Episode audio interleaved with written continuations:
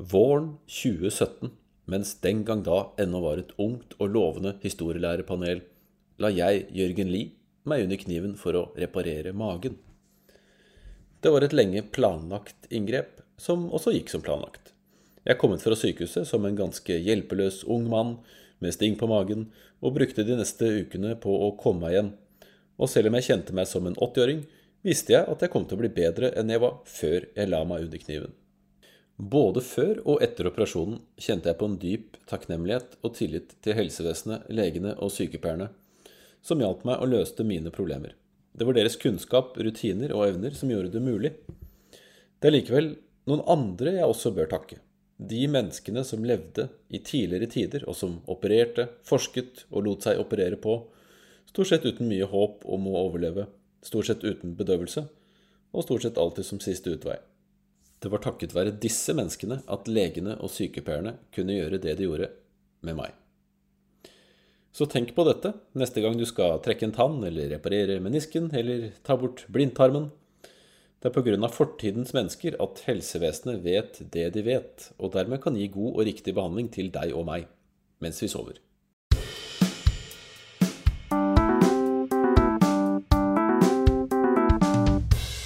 Den gang da.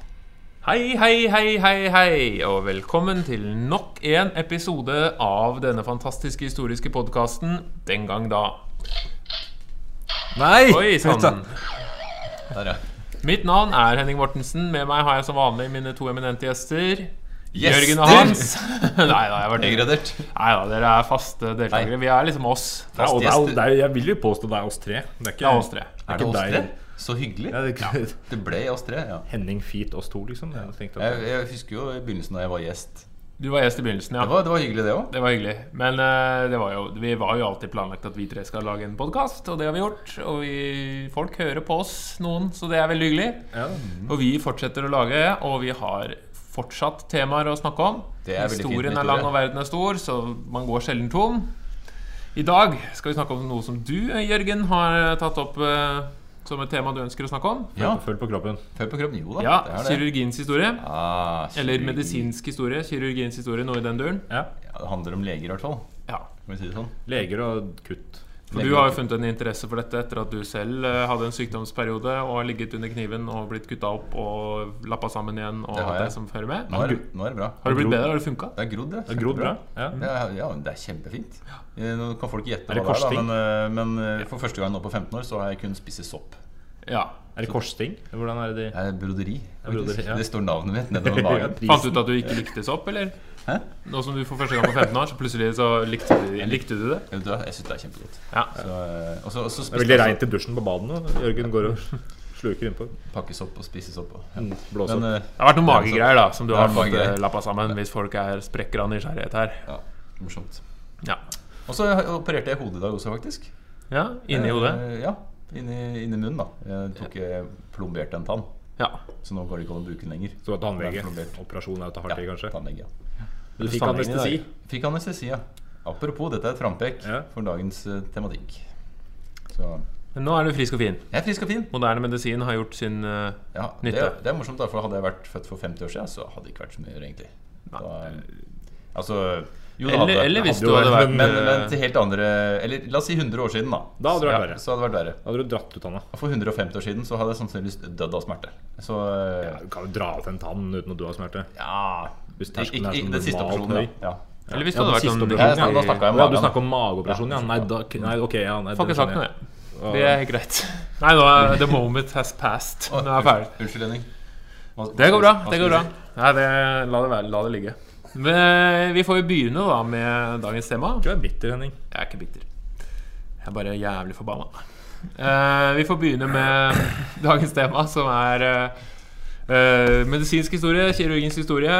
Du har, vi har nevnt nå. Ikke sant? Nå er vi på der hvor det faktisk går an å gjøre noe med ganske mye. Vi, vi kan reparere, og vi kan spleise, vi kan amputere, vi kan lime sammen, vi kan transplantere.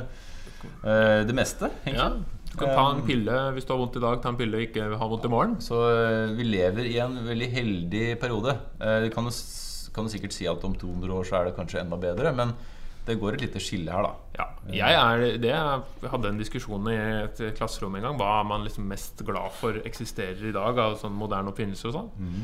Riva. Du har riva, jeg har bedøvelse. Bedøvelse. Fordi ja. det fjerner en slags evig angst for Ja. veldig mye smerte over veldig lang tid. Og vi kommer jo inn på det her seinere, men anestesien i medisinen gjør jo at at man ikke dør av smerte i operasjoner. Ja. Eh, og at legen har mulighet til å ta seg litt tid når de skal gjøre operasjonen, og ikke bare stresse gjennom for det blir fort ferdig. Og det er mye mer behagelig for den som blir operert. Og, og, og for den som opererer, tror Ja. jeg. Det tror jeg også. For når du vet at ja, jeg gjør det vondt når jeg stikker kniven inn her, og så hører du pasientens smerteskrik Sånn, ja. Da er det på en måte Det, det setter litt farve da på jobben din. Ja. Mm. Ja, altså jeg Du har jo også vært under narkose, og det Det er jo Det er deilig, det. Ja, jeg, jeg må si det. Altså, det her Jeg tok jo blindtarmen her eh, for et par år siden, og det er behagelig med den narkosen. Ja. Du Du får litt, litt mer empati for uh, sprøytenarkomane. Ja, ja. ja nei, men det er så ålreit. Altså, altså, ja, jeg, jeg kan ikke beskrive det på annen måte enn at det var ganske behagelig da, med den dop.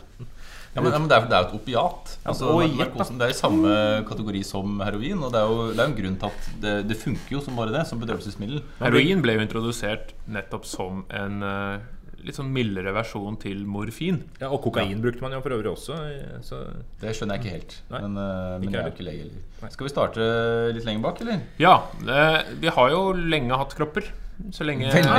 menneskeheten har eksistert, så har vi hatt kropper. Og har du en kropp, så har du potensielt plager med den kroppen. ikke du. Ikke du. Ikke jeg, da. Jeg er aldri sjuk. Er Men, men- men, eh, vanlige dødelige har jo det. Og jeg ser for meg at liksom gjennomsnittlig levealder har jo også skutt i taket bare de siste 100 år. Men hvis man går liksom flere tusen år tilbake, Ja. så var for første barnedødeligheten veldig høy. eh, Men man hadde jo ikke så lange liv å se fram til heller. For man døde av sykdom. Eh, Bakterier, selvfølgelig, eh, var jo en av de viktigste dødsårsakene. Eh, Småskader kunne være dødelige. Kjempefarlig.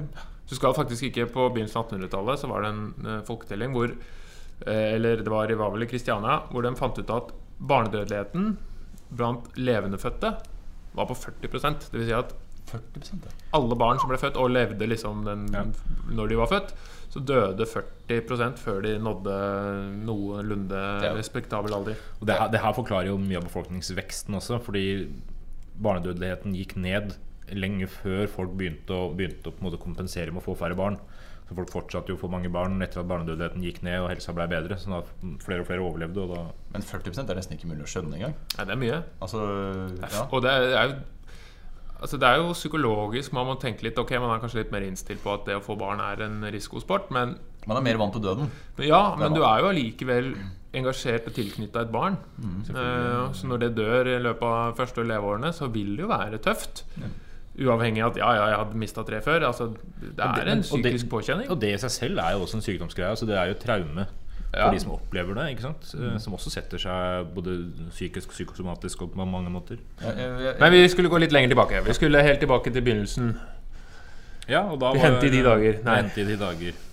det ble lys. Nei. Det ble lys. Hva er det liksom tidligste vi vet Det kan om være- medisin, og når begynte man å tukle med Altså, vi, vi har noen Tukle med kroppen. ja, alskens plager? Det har man jo gjort lenge, I, men i eh, puberteten begynte man med det. Man har uh, noen kilder fra Prepubertale kilder fra 3500 år eh, før eh, vår tidsregning. Det er såpass, ja. Ja, det er såpass. Eh, tidlig skriftlige kilder, altså. Fra 3500 til 1000, kan man regne det. Uh, her, her beskrives det at man i flere sivilisasjoner har brukt en del type kirurgiske Man har gjort en del kirurgiske inngrep. da Hvor man har kutta opp her og der for å Altså amputasjoner uh, har man drevet med. Eh, fordi det var, jo, det var jo i veldig veldig, veldig mange år den eneste metoden man hadde for å så Hvis det hadde gått infeksjon i et sår, eller hvis et eller annet ikke var mulig å redde, så var det å kutte av større deler av lemmet. Ikke sant? For å Ja, det, uh, ja. Man visste jo ikke da, men det man jo burde være redd for, det er jo koldbrann. Ja. Som eh, går i infiserte sår, og så sprer det seg, og så dauer du av det. Men i tillegg, ja, altså i tillegg så har man jo også hatt overlevelse etter såkalt uh, trepanasjon, altså kranieboring. Hvor, hvor man har bora inn i kraniet til folk for å lette på trykket. For, uh, ja Det er ikke fordi du må på do, på en måte. Nei, ikke sånn trykk, nei. hull i hodet. Hull i hodet. Man har ja, bor, bora inn da for å Ja. Ja, for det gjorde, så vidt jeg veit, inkaene Ja. det, det, finne, det, er Det er imponerende at de, de, de, har- man har overlevd sånne operasjoner Ja. i flere tusen år. Og det har man bevis på fordi man har funnet hjerne, eller kraner, og så har man sett at det er skjult, og så har det grodd etterpå. Ja. Så man har sett at her er det noen som har overlevd en stund, i hvert fall. Ja. Ja. Uh, Målretta innboring. Det kan jo være noe pilgreier som har Men uh, Det kan jo være det. man ser vel litt på hullet. Ja, At det er bora og ikke på en måte en Ja, for det er det. Ja, ikke pil. sant. Mm. Jeg vet ikke om pila kom gjennom kranen heller. Ja, det, var. Nei, det er Kommer litt an på pila. det kan jeg. Og kraniet. Men, men om, om det, det. om det hadde noen effekt, det eh, kan jo kalles kirurgi, liksom. Er det bare tuk tukling? Nei, det er boringen i hodet, så det er jo et inngrep. Men det, ja. Men viten er for all det. Altså, det er jo en forskjell på at man har gjort ting, og, og vitenskapen kirurgi. Ja. Det er jo ikke nødvendigvis noe som kommer sein, Ja, for- for lenge det- seinere. Det å være lege liksom fram til 1800-tallet er mye gjetting. Ja, og det, vi kan vi jo dekke etter hvert her, men det var jo en kreativ yrkessammensetning for øvrig også. At du var eh, frisør og lege på en gang. For da, hadde du, da, hadde, for da hadde du kniv, ikke sant. Ja. Eh, og så keisersnitt har man drevet med i mange år. Ja. Kutte barnet ut av magen. Ja, det, det er vel romersk eh, er, Eller er det gresk? Som, Det er vanskelig å vite hvor det kommer fra. Men det var, det var en romer som En romersk keiser, nå husker jeg ikke hvem det var. Men man har jo innimellom trodd at opphavet til ordet er fra Julius Cæsar, som ble tatt med keisersnitt. Det stemmer ikke. Mora hans eh, levde eh, til eh, ja, for Man regner ikke med at mora kom til Nei. Mødrene overlevde ikke før på slutten av 1700-tallet. Så men, ja. Men, men det var en romersk keiser som innførte som en regel at ved, ved fødsler der moren eh, kom til å dø, eller var overhengende fare for at mora hadde kommet til å dø, så var det påkrevd at man skulle fjerne eller ta ut barnet ved hjelp av keisersnitt. Da, for, å hindre, for å i hvert fall sørge for barnets overlevelse. Det er heftig, da. det er Veldig heftig. Det, ja. Dette er jo før eh, man hadde noen gode medisinske bedøvelsesmidler. Ja, ja, ja, Man har vel brukt eh, former for urter og Ja, det, Litt. altså, se for deg det du skal til keiseren, og, Alkohol. og så sier legen Jeg har en god urtete Ja. til deg, som du kan drikke og berolige deg med. Ja. Litt som moderne fødsler. da Prøver å unngå epidural så lenge som mulig og heller høre på hvalesang. Hvalsanga ligger i badekaret, og det vannet her, det, det gjør at du Ikke kjenner noe som helst. smerte. Nei, men skal vi, altså, det finnes jo uh, flere mm, kilder på at vi har folk som har vist noe medisin. Blant annet har vi en uh, gresk-romersk uh, lege, ja, kaller det medisin, medisiner, som heter Galenos. Og hans bøker om anatomi de var hjørnesteiner i undervisning om anatomi fram til 1500-tallet. Ja. Eh, problemet da eh, til Galenus var at han dissekerte ikke mennesker for å finne til det. Han dissekerte dyr. Så han fant ut at ok, her er det mye likt, men griser har ikke helt den samme anatomiske sammensetningen som et menneske. Så han bomma på et par ting. da Og så var det en fyr som het eh, Vaselius, som på 1500-tallet stilte spørsmål ved et par av tingene. som han, man, man, han, han var legestudent, og så eh, var nede i editorer eh, hvor det ble undervist i anatomi. Og så Ja, her ser vi et eh, et menneskehjerte. Det har to kamre. Og så så alle at det var fire kamre, men det var så etablert at her er på en måte kunnskapen at nei, det er to kamre. Ja. Det er riktig. Det er litt som at man har beholdt uh, de fire elementene til eh, Hippokrates er jo verdt å nevne her. Ja, Han må jo nevnes. Hva, hva har vi å si om han? Hippokrates er jo den som blir sett på som legevitenskapens far i mange sammenhenger. Han, det Hippocratic Oath eh, som legene må ta. Jeg Ja, vet ikke om de, jo, Ja, de hippokratiske ed, da, eventuelt, Ja. hvis du vil si det på norsk. Det er At man skal måtte tjene Man skal forsøke å redde liv. Ja, og, ikke Ikke sant? Man skal tjene mennesker. Og det er jo den første hvor man fjerner liksom For det, det er som du sier, dette legevitenskap er jo en sånn mystisk greie òg. Det er en sånn blanding av tro, tradisjon, religiøsitet, åndeutdrivelse Altså det er mye rart man har drevet med. Men så Hippokrates er den som da gjennom observasjon, fjerning av ikke, Det skal ikke kobles med religion. Det skal være en ja, Kall det en vitenskapelig framtoning. Uh, men det, hvor vitenskapelig det er Han finner jo ut, eller han mener jo da at eh, menneskekroppen er som verden generelt består av fire elementer, men ikke jord, ild og vann og sånne ting da. Men eh, blod, slim, gul og sort galle. Det er det som på en måte er eh, det som styrer oss. Og er det ubalanse Elementer, se hva vi kan. Ja. Jeg kan ikke teksten, jeg. Fire elementer. Jord, ull, ull. Ull. Jord, ull, luft og vann. Ja, du kan få lov til å si det, du, Henning, som kan det. Den, den sangen kan Nei, nei, altså de fire elementene. Jord? Ja. ild, Luft luft og vann. Ja. Men i menneske. kroppen så er det jo da blod, slim, som er jo en fin fellesbetegnelse for mye rart. Gul og sort galle. Og, Og er det ubalanse i disse, så er jo det da du kan oppstå noe sykdom. og det her mente jo Galenos også, at han, han baserte seg på denne kunnskapen. Det var ubalanse. Og han hadde også eh, kon dette konseptet at alle naturlige gjenstander har fire kvaliteter. Ja. Altså tørr, våt, kald, varm. Ja. Det er de egenskapene de kan ha. Og det Ja, er sånn det er ofte det sånn jeg en kjenner meg. Jeg er ute, så er jeg enten tørr eller våt. Ja. Enten kald eller varm. ja, så det er deg. Og så er det den gylne middelveien, da. Den hvor du er liksom helt sånn verken for kald, verken for varm. Da er det balanse det mellom de fire størrelsene. Content. Ja. Er hva er det norsk ord for det? Akkurat passe. Tilfreds. Akkurat passe. Tilfreds, ja. Det, det, er, det er sjelden man er den der akkurat. Det er ofte er litt kaldt, eller ofte trekker fælt i dag. Så er det stein i skoen, et eller annet gærent.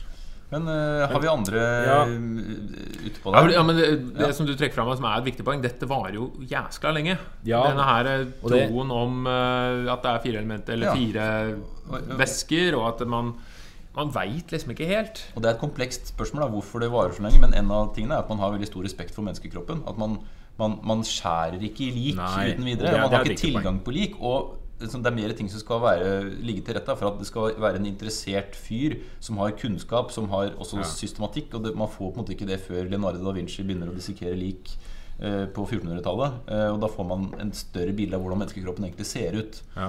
Men før det her så prøvde man og feila man mye. Man gjorde jo det, eh, men det er Og det er religiøsitet knytta til dette her. Ja, du får ikke lov til å Men ja, det- kjenne Guds skaperverk osv. For medisinerne i middelalderen i Europa i hvert fall er jo munker. Som er, kaller seg nærmest leger, men som driver med medisin. Hvor det er en tro, en slags blanding av ja, prøve og feile, urter som man har sett funka, Guds Ja, ja. beding Mye årelating. Ja, årelating. ikke sant? Fjerning av blod, som er kanskje det verste du gjør når man er sjuk i mange Det tilfeller. her, men her har jo altså Munkene driver med medisin, og det her er greit å skille litt mellom. da For Hvis vi liksom, vi begynte å snakke om kirurgi her Men fra antikken og fram til omtrent renessansen så er medisinen stort sett prega av medisin og ikke av kirurgi. Nei, for det er noen andre. Ja, og kirurgien har egentlig ikke så mye Det skjer ikke så mye der før du, du nevner Vesalius på 1500-tallet, som kom med en beskrivelse av den normale anatomien, altså menneskets friske anatomi, og på 1700-tallet han, hva heter han, Borgagni, Borgagni Borgagni. som, som, eh, som beskriver den sykelige anatomien, altså menneskets anatomi ved sykdom. Og det er først da du får liksom en mer oppgang i kirurgien. Ja, for Da kan man sammenligne med hvordan det skal se ut. Altså det er jo Ja, sånn, det er akkurat det. ok, hvordan, Men du har jo forsøk på kirurgi. Du har det, altså barteskjærere eller Ja, felt, eh, feltskjærere, ja. feltskjærere som er slags kirurger, men Ja, som det er er, det. me mekanikere. Ja, det, det er et håndverk, da. Ikke sant? Det er et Fordi- håndverk, ja. Du har skilt over døra di liksom, der det står at hva vi driver med her. Vi driver med amputasjon, årelating, fjerning av byller, klipp og barbering. liksom Eh, Fordi de drev Og- med det. og nøkkelfilling De- de- Ja, og. Alt, Og så skolapping. Ja, skolapping. Dørskilt. Nei, men det er ja, uh, ja. Men har du brekt armen, så kommer noen og prøver å sette den på plass og kanskje binde den fast. Og så har du det, så har du kvesta hånda, så er det en som kan komme og kutte den av. Altså, det er jo på et sånn veldig elementært banalt nivå hvor man Men det er jo Vi har jo, Du skal flaks, da. fram. Du skal ha litt flaks. vi har jo begge to, Jørgen Har du vært der? I Pidavros, eh, Hellas? Hippokrates eh, lege altså det, det, er, et kurbad fra antikken egentlig som baserer seg på Hippokrates medisin, eh, hvor folk kunne komme og trøste og lege sine legemer hvis man var sjuk. Eh, Det er et, en spasenter egentlig som er kombinert med Dette er i Hellas, og Ja. ruinene finnes fremdeles. er ganske populært turistmål.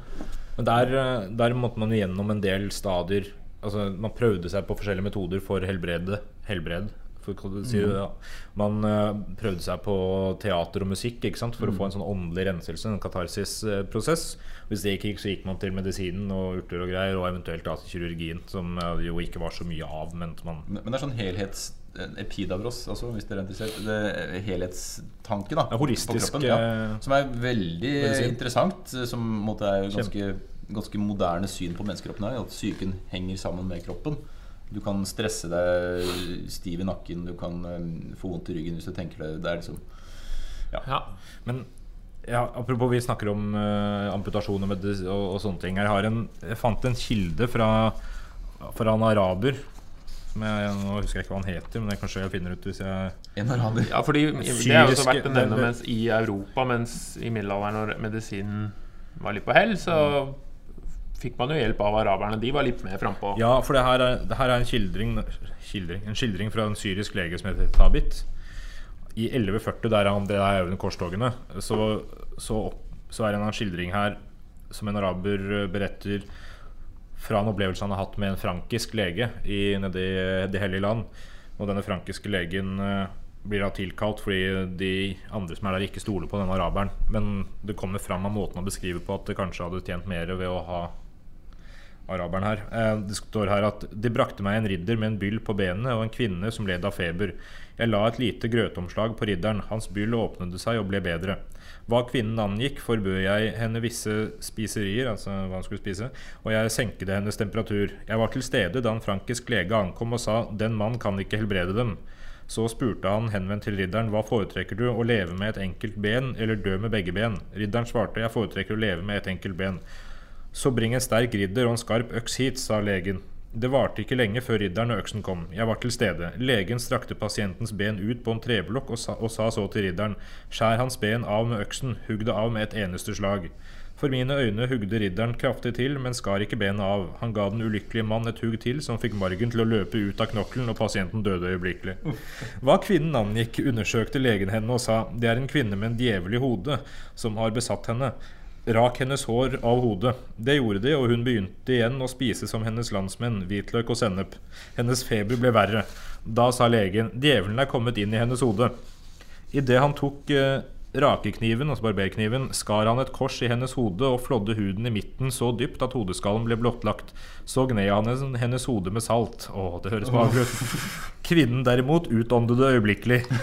Etter å ha spurt dem om min tjeneste stadig var påkrevd, og etter å ha fått negativt svar, vendte jeg tilbake idet jeg hadde lært noe om deres medisinske forhold som jeg hittil hadde vært uvitende om. Den gang da. Ja, hva, hva, hva skal vi lære av dette?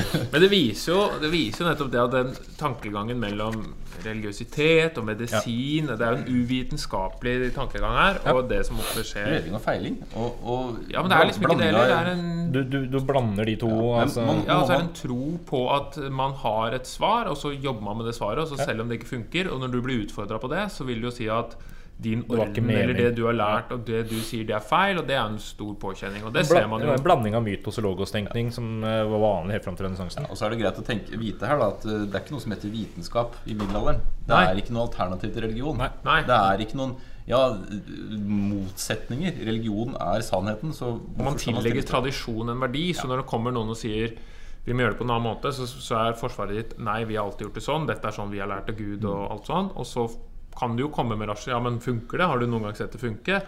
Nei, men jeg har lært at det funker, så derfor funker det. Altså, Hvis man, hvis man skal være litt filosofisk, da, hvor kunne legevitenskapen vært hvis man hadde stilt sånne spørsmål i begynnelsen av middelalderen istedenfor på slutten? Altså, det er vanskelig å si. Det, det, det, da blir man bare gæren av å tenke på, men man skulle ganske langt ut på 1400-1500-tallet før man tenkte at ok, empiri, altså det man observerer, er viktigere Ja. enn det folk forteller deg. Og det, og det som er eh, altså Det er jo egentlig helt på slutten av 1700-tallet at man begynner med systematiske dyreforsøk som eksperimentell metode for å utforske hva kirurgi kan, og medisin kan, kan gjøre her. Altså man baserer seg på ja, i Ja. forsøk. da og som har blitt nevnt eh, tidligere med vaske hender og barnefødsler. eh, Ja, Semmelweis. i ja. 1850-tallet, er det ikke det? At du, det er ganske seint. at Det, det var en eh, Men det var en revolusjonerende oppdagelse. Ja, vi kan jo ta den kort. Da. Det er jo på en måte begynnelsen på statistisk metode. At Semmelweis oppdaga at det var høyere barnedødelighet. Han hadde studenter som gikk fra likhuset til barnefødsler. Og så var det flere stuer. da Og så la han merke til at de som kom fra likhuset, de, i de studiene så var det mye høyere barnedødelighet blant fødsler. Og så Han så en sammenheng da som ikke andre hadde gjort, og så gjorde han det statistisk. Han kunne på en måte bevise ved statistikk. Også, det er mye høyere barnedødelighetssannsynlighet hvis du først er i likhuset og så går til fødestuen, enn om du ikke har vært der først. Og så på en måte dette er, før, dette er før informasjonen om bakterier finnes. Så på en måte, han visste ikke hva årsaken var, men han så at det var en sammenheng. Eh, og det, måte, og, ja. Og Florence Nightingale, også, som vi har kanskje nevnt tidligere, er Ja. viktig der under Krimkrigen. At hun fant ut at hun også sammensamla tall på hva er det så- de skadde døra. Og hun fant ut at jo, de fleste dør faktisk av infeksjoner og sånn oppstått etter de har kommet på sykehuset. ja. Og hvor å man, være på sykehus. ja, hvor man ser at hygiene og hygienetiltak er viktig for å redde liv. Og det, det er jo på slutten altså i Rundt 1890 så blir vel gummihanskene oppfunnet for første gang. Så før det har man begynt Fant Nei. Nei, Nei. nei, nettopp ble jeg fant opp seinere, men da i et annet stoff, sikkert. vaskehanske. Eh, men, eh, men det er jo når, når den antiseptiske vasken som dere snakker om, og denne gummihanskeoppfinnelsen i 1890, da får du en eh, ganske tydelig framgang i, i eh, abdominalkirurgien, altså burkulekirurgi. Fordi man for første gang har muligheten til å gå inn i kroppen og fjerne blindtarmer. Man kan gjøre sånne type inngrep. da Jeg synes det er relativt tidlig allerede altså når du snakker om slutten av 1800-tallet, med tanke på hva slags annen type eh, hva skal man si, vitenskap man hadde. Så syns jeg det er imponerende at man får det til da. For når vitenskapen først har slått rotfeste som metode, Ja. så har jo medisinen gjort massive fremskritt. Og her er vel eh, anestesien grei å Ja, introdusere? ta den. 1800-tallet? eh, Det- ja, det- det som vi har vært vi om inne på, altså, det, var- det, det direkte sammenheng da, med hvor raskt du kunne utføre operasjonen med sannsynligheten for overlevelse. Fordi altså det, er, det, er noen, Det er bedøvelse. Det er, bedøvelse. ja. Det, er, det er noen grunner til død som fram til 1800-tallet Kirurgi ble ansett som siste utvei for alle mulige sykdommer fordi man veit at sjansen for å overleve er liten. Og, og man, hvis man sier at øh, det er en del store farer her Sterke smerter kan føre til sjokk og død, og det gjorde det stort sett. Blødning fører til sjokk og død. Og så har du en del infeksjoner som stort sett også fører til sjokk og død. Så med en gang du fjerner de mulighetene for sjokk og død eh, i, i så stort omfang, så blir det lettere å operere litt kjappere. Så ser jeg for meg, Hvis dette er utgangspunktet, så skal det rimelig mye til for å liksom introdusere det som en idé i det hele tatt. Du, Skal vi ikke operere, liksom? Skal vi ikke utvikle det som en gren? Hvorfor skal man gjøre det? Det er jo galskap. ikke sant? Det dauer. Ikke sant? Det er jo Skal vi skjære det opp mens du ligger der? Det Eh, som en Det er idiotisk litt som, litt som innføring av koppevaksiner og sånn, som vi ikke trenger å komme inn på her nå. Når ble opp, liksom, bedøvelsen oppfunnet? Du har, du, altså, jeg tenker liksom Etter balltre i huet og alkohol, så har Ja, man Det eh, har jo funka sånn greit nok, men Greit, folk, men folk våkner jo gjerne. ja, Men eh, 1846-47 så er det vel han tannlegen William Morton som begynner med eter. Ja, Og det er den første Det vi kan si er den første virksomme. Altså det Ja. som kan Det er sånn du tar på en klut og holder rundt ansiktet til Ja. de du skal kidnappe? Ja, det og kloroform. Ja, og da, da bedøves pasienten i den grad at han sovner. Ja. Sant? Og, og, og vekkes ikke ved at du klipper den i rumpa. Det er bare Det er søvn ut, med Kontrollert søvn. Ja. Mer eller mindre kontrollert søvn. Og det er som Jørgen sa her i stad altså, Og det, det her høres jo litt sånn spesielt ut, men det her etter innføringa så er det første gang legen har mulighet til å ta seg god tid til å operere. Trenger ikke å haste gjennom amputasjonen eller operasjonen for å bli ferdig, for å på en måte, hindre at pasienten dør av sjokk eller blødninger og sånn. Man kan på en måte ta det her sakte, men sikkert, og da få et bedre resultat med mindre infeksjoner, bedre snitt, bedre kutt, bedre sying og større sjanse for overlevelse. Det, ja. Ja. Så, så Så er det røntgenapparatet ble oppfunnet? Har dere noe Eh, det er, jo er det i forbindelse med Marie Curie og røntgenstrålene, selvfølgelig? Men det er vel i hvert fall etter 1890, da. 1895. 1895, okay. Ja, for det er også en fordel å kunne se inni før du åpner opp. Det er veldig kjekt å kunne se inni før du åpner opp. Men Man ser i hvert fall det som er Delvis, harde ja. strukturer. da Så Man ser jo bein. i hvert fall Ja. Man ser ikke så mye annet Eller jo, det kan man gjøre. Senere med CT og MR og sånn, som er fabelaktig vitenskap. Men, men det finnes så mange grener her. da altså man, Hvis du på en måte tenker at kirurgi er noe som har eksistert Hvis du definerer kirurgi som å bore hull i I huet. Men så er det visse grener innenfor kirurgien som måte, man ikke har tatt til med ildtang. Hvis vi kan introdusere Ildtang kan jo Ja. vært et effektivt middel for øvrig. Eksempel hjertet ditt. da Altså hvor, hvor, eh, hvor, hvor lenge det går før man i hele tatt begynner å operere på hjertet. Og man har den første vellykkede, eller delvis vellykkede hjerteoperasjonen på et hjerte, det var faktisk utført av en nordmann som heter eh, Aksel Cappelen. 1895 på Rikshospitalet. Da var det en fyr som hadde fått knivskader. Og eh, hvor han opererte, og pasienten overlevde. Våkna 24 timer etterpå, eh, men døde to dager etterpå av infeksjoner. Ja. Som man jo stort sett gjør. Eh, året etter så var det operert også i et annet land, jeg husker ikke helt hvor, eh, med, med en pasient som overlevde flere år etterpå. Så man, man har på en måte utvikla teknikker ganske tidlig for å operere på hjertet. Men problemet med hjerteoperasjoner er jo at hjertet slår. Og hvis man skal f.eks. sy et hjerte, da, så må man gjøre det mens hjertet slår, og mens Ja. det blør, og med og, altså, man still my beating heart. ja, ikke sant? Det er Edgar Allan Poe, er det ikke det? Nei. Eh, det, er, det er noe annet. Telltale Heart. Okay, Unnskyld. Uansett, man hadde små sjanser for å, for å operere riktig på et hjerte som slo. da Ja, det er jo altså bare det, bare det å komme inn til hjertet krever jo litt. Ja. da Du må knekke Så- opp ribbein og Så gå gjennom magen. Jeg har hørt at ja. bein til hjertet går gjennom magen. Ja, Eller gjelder det bare menn? Det Ja. gjelder bare menn, ja. Men uansett, man hadde stor respekt for hjertet uh, av flere grunner. For man tenkte at det var sentralt i kroppen som organ, selvfølgelig. Man Ja, det er det jo. Det er. Den, den har holdt seg. Men, men man hadde ikke noen mulighet til å gjøre det heller. Men så skjer det noen ting etter andre verdenskrig. Altså Det er ikke lenger siden, på en måte hvor man utvikler visse teknikker som gjør at man klarer Det er et par fantastiske kirurger som klarer å uh, reparere hjerteklaffer som er ødelagte eller er høl i hjertet. Og da har man Man har noen minutter på seg da i operasjonen før hjertet blør i stykker hvis man skal åpne opp og sy. La oss si fem minutter. da. Og det er det du har. si Ja, det, er det, det er det du har da som hjertekirurg. Du skal operere et hjerte, du har fem minutter på deg. Vær så god, lykke til. Fordi du blør i hjel.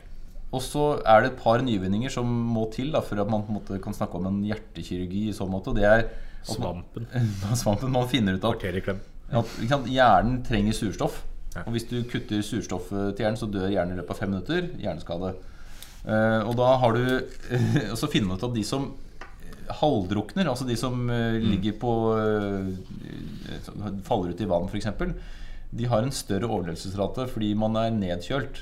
Og da trenger ikke hjernen like mye surstoff. Så man kjøler ned kroppen, får man litt bedre tid til å operere.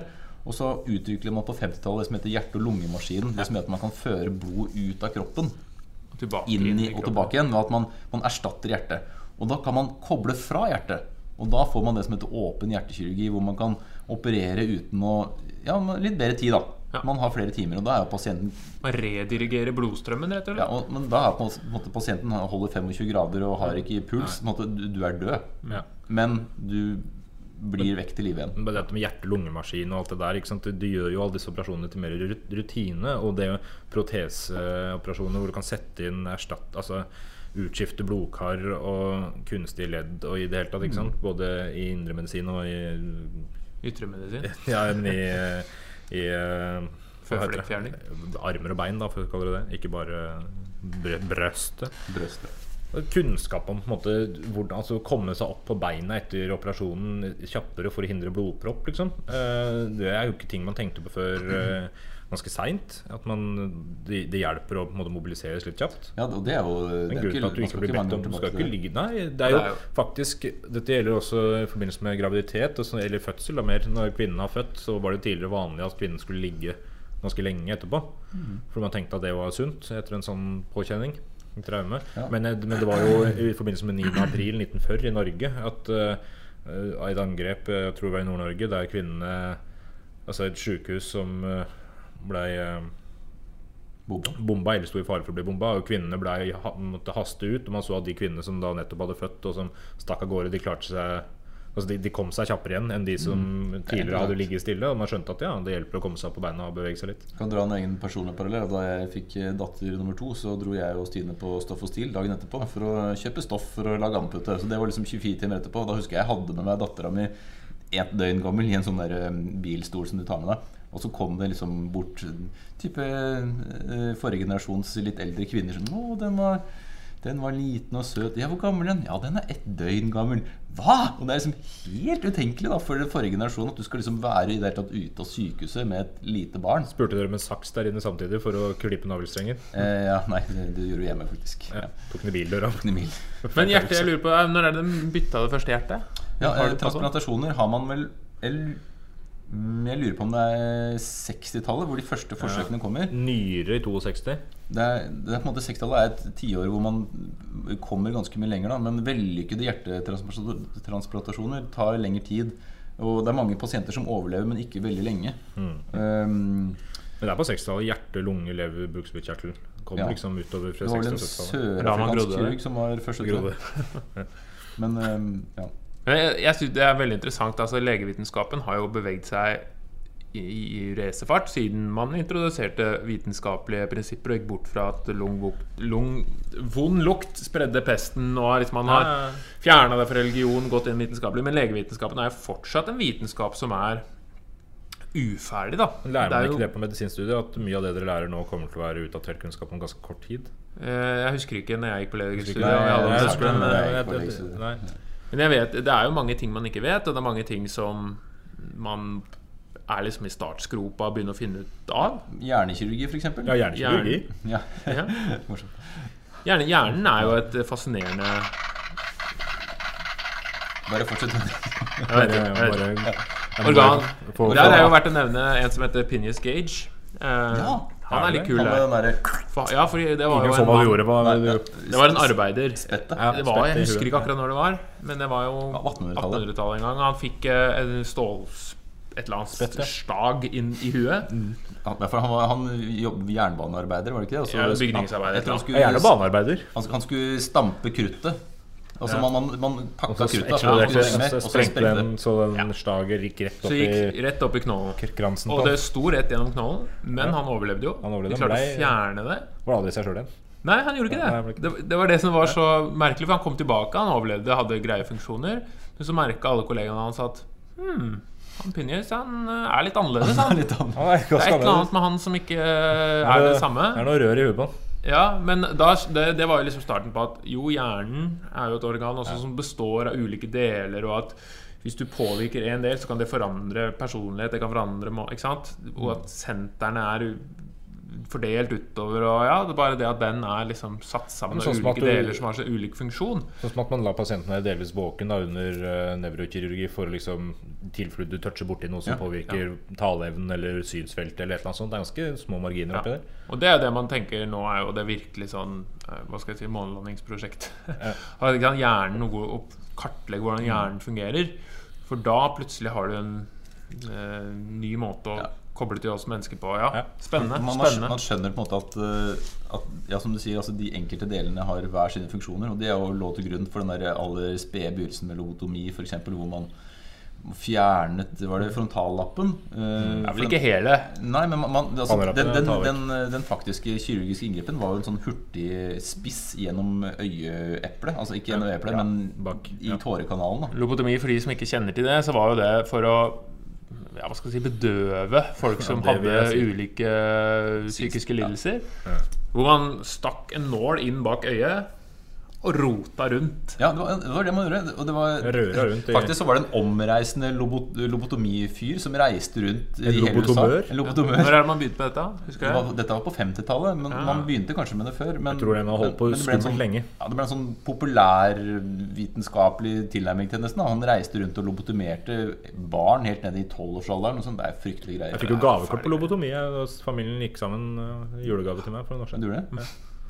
det? Tanken er jo at plagene dine, hvis du har en eller annen psykose eller en eller annen psykisk tilstand som gjør deg både til fare for deg selv og andre, eller hva det skulle være Så ved rote rundt så blir du pasifisert, og du blir ikke sant? Du blir bare en sånn nærmest en Zombie. Ja, og det er jo en veldig fæl, fæl metode. Det er klart, det er jo sånn det, Ja, ja, man har gått vekk fra lobotomi, da, men man Men det finnes jo en del mennesker som er lobotomert, som lever. Ja, ja.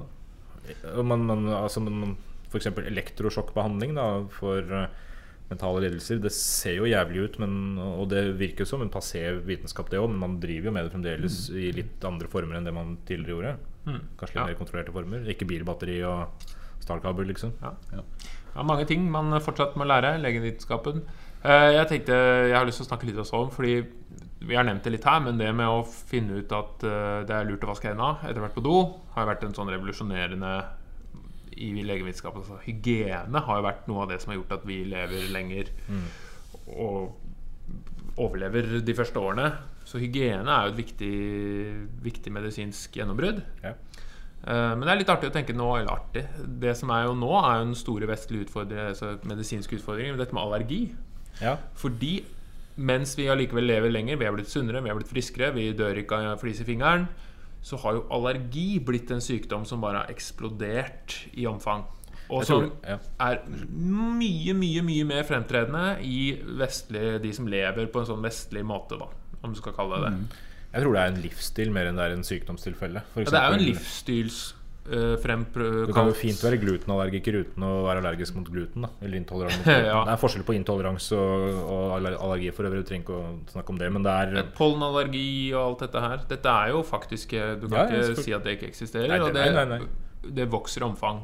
Det er vel noe, noe nesten opp Jeg så noe tall på om det er noen som opererer med tall mot opp mot 20-40 som lider av en eller annen viss form Men, for eh, men det må da også ha noe med Altså at eh, diagnosene er Om man er flinkere til å stille diagnosene. man, tenker jeg. man, Ja, jeg tenker Det må jo være en kombo av det og det at kanskje det er hyppigere eh, Hva skal man si Det er, det er mer av det nå, men, men ja. Altså, man setter diagnosen i større grad nå enn man gjorde før, når man tenkte at ja, ja, man er bare litt smådårlig, det går Men, over. men liksom man skal likevel ikke liksom avfeie det. Det er selvfølgelig et reelt problem at, eh, at, man, at kroppen tilpasser seg på en måte som ikke virker så fruktbart, kanskje.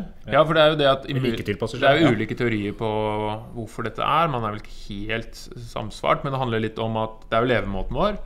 Eh, man ser For også at de med keisersnitt er mye mer utsatt for eh, fordi man, det er en bakterieflora som man går glipp av hvis du bruker antibiotika tidlig i livet. Så har jo med bakterier i kroppen som Og tarmfloraen er jo ekstremt kompleks. Og man, det, det samme kartlegginga som foregår der, da, som i hjernen, at tarmfloraens sammensetning er veldig sam sammensatt. Eh, man forstår ikke helt eh, konsekvensen av å fjerne enkle bakterier. Men, eh, Som et eksempel, da, det, det var jo noe Jeg husker ikke legene, men de som fant ut at eh, magesår hadde sammenheng med én enkelt bakterie, fikk Ja. Nobelsprisen. Man går vekk fra liksom stressdelen av det. Man, altså man, man påviste at én bakterie har noe å si, og så fjerner man den bakterien. Men så har man i ettertid funnet at ok, denne bakterien er der eh, med visse positive eh, effekter også. Og så på en måte, Det er ikke bare å ta bort en dårlig bakterie og erstatte den med en god. Det er sammensetning som er ja. Nå er vi på tynn is, folkens. Nå er, vi, nå er det tre historikere som sitter og prater om eh, eh, tarmflora. tarmflora. Men det, det er spennende, da. Jeg synes det er spennende å se hvordan Norsk tarmflora bind 2.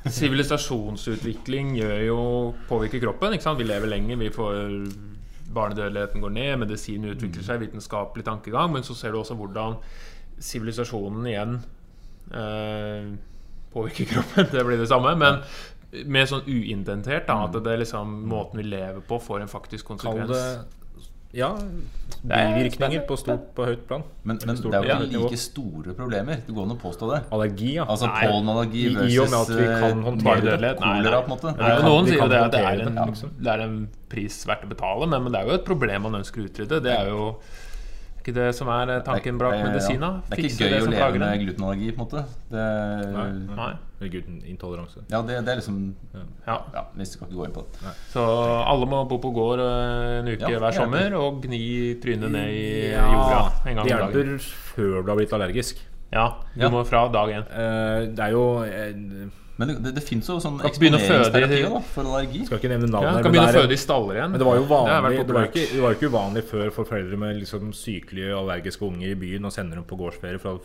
for å tøffe dem opp. Og det er jo det er en, ja, en i familien som forteller at han ble sendt på en sånn sted da han var liten og han holdt jo på å omkomme der. Ikke sant? Fordi han, han var jo allergisk. Altså Eksponeringa blir jo litt heftig, da. Ja, du har en sånn gyllen vindu.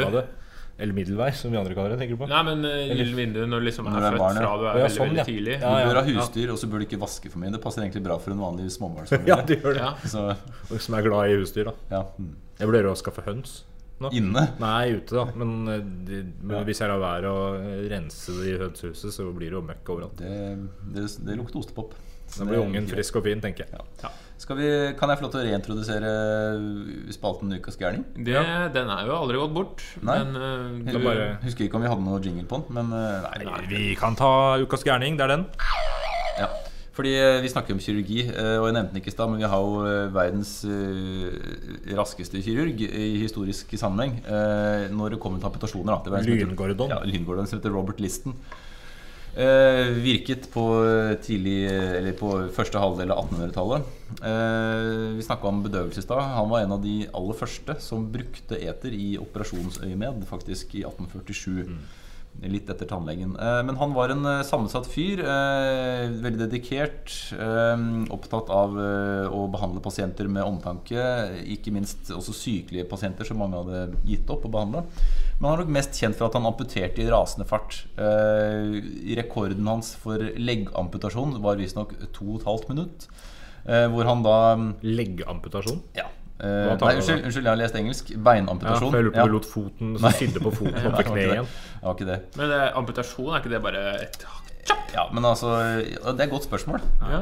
Burde jo gå fort men, da. men det er kanskje en viss sjanse for at det blir litt bedre, da. Så, Ja, han, ja, du kommer jo ikke gjennom beinet Og på første igjen, og og litt mye jobber litt underveis. da så han ble observert av sine studenter, da, hvor han måtte han jobba fort, og man, kniven gikk over i, i sagen umerkelig. Og det var liksom, han holdt den blodige kniven i munnen for å få begge Ja. til å jobbe. Og det gikk liksom fort, da. Uh, Jeg har et lite utdrag her hvor han, uh, han, han ble populær uh, Han ble populær i, Hva heter det for noe? I, i, I litteraturens verden da, så ble han dratt fram i 1983. En fyr som, en som heter Richard Gordon, som skrev en bok om Robert Liston. Og her er et lite utdrag her, da. Hvor han skal amputere et bein. da Eh, he, Og så omtaler de pasienten hans. Eh, he was six foot two and operated in a bottle green eh, coat with Wellington boots. Altså Han ligger på på operasjonsbordet med klærne på. da Uh, he sprung across the blood-stained boards, altså Robert Liston, Uh, upon his wounding, sweating, strapped down patient like a duelist calling Time me, gentlemen, time me! Altså Han roper til studentene Nå, ta tida på meg, hvor fort skal jeg klare det her? To students craning with pocket watches from the iron village uh, galleries. Everyone swore that the first flash of his knife was followed so swiftly by the rasp of saw on bone that sight and sound seemed simultaneous. To free both hands he would clasp the bloody knife between his teeth. Og så, eh, Når var dette, Også? Dette er 1840-tallet.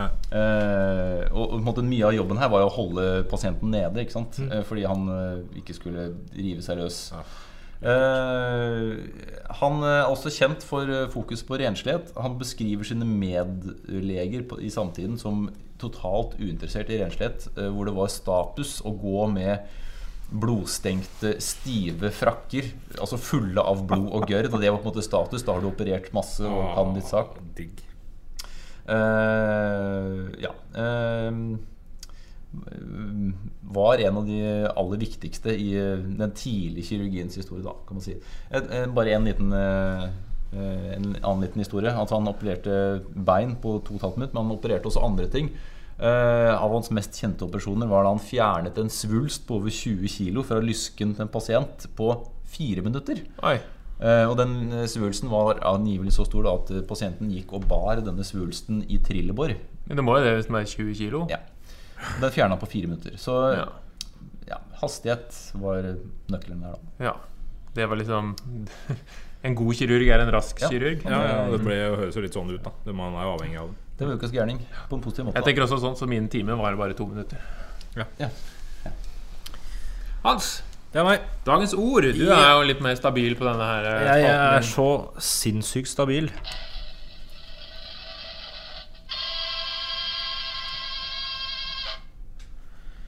Veisalgia. Eller veisalgia. Eller veisalgia, eller et eller annet sånt. Litt usikker på uttalen der. Det er et ord som blei Veisalgia. Veisalgia. Språklig opprinnelse. Eh, Ja, det kommer. Det er et ord som ble brukt første gang rundt år 2000 i en uh, medisinsk rapport av noen karer som jeg ikke husker navnet på. Rundt år 2000. Mhm. Nylig, altså. Ja. Ja. Et nytt ord? ja. ja. Så fordi legevitenskapen jo utvikler seg eh, Det har ikke noe med kirurgi å gjøre. Eller vi får se Men fall fra år 2000 Det er et ord som faktisk er satt sammen av et norsk begrep og et gresk begrep. Men som han har prøvd å introdusere da Det er noen leger som eh, hadde en forskningsrapport.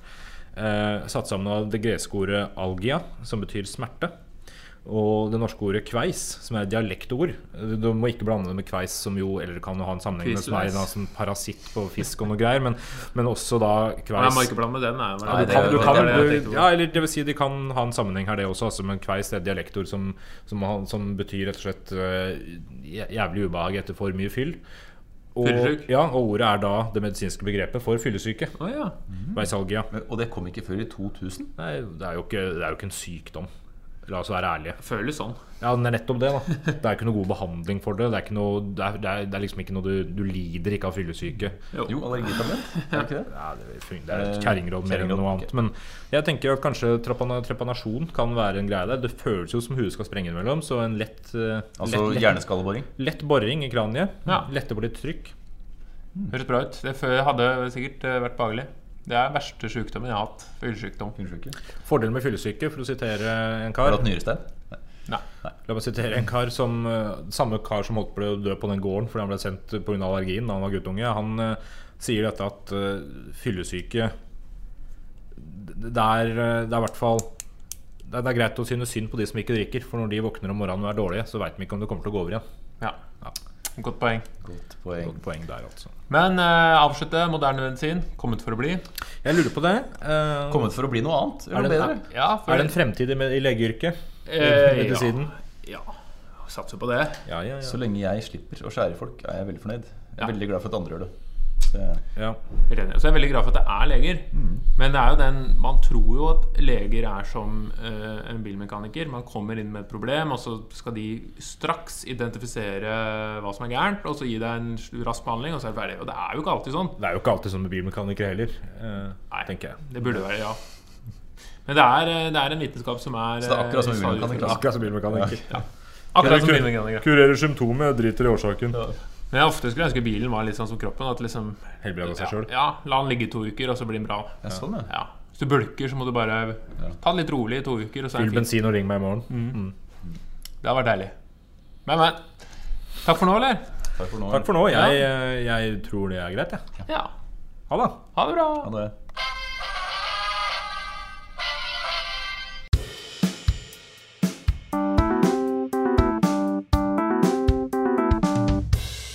Den gang da.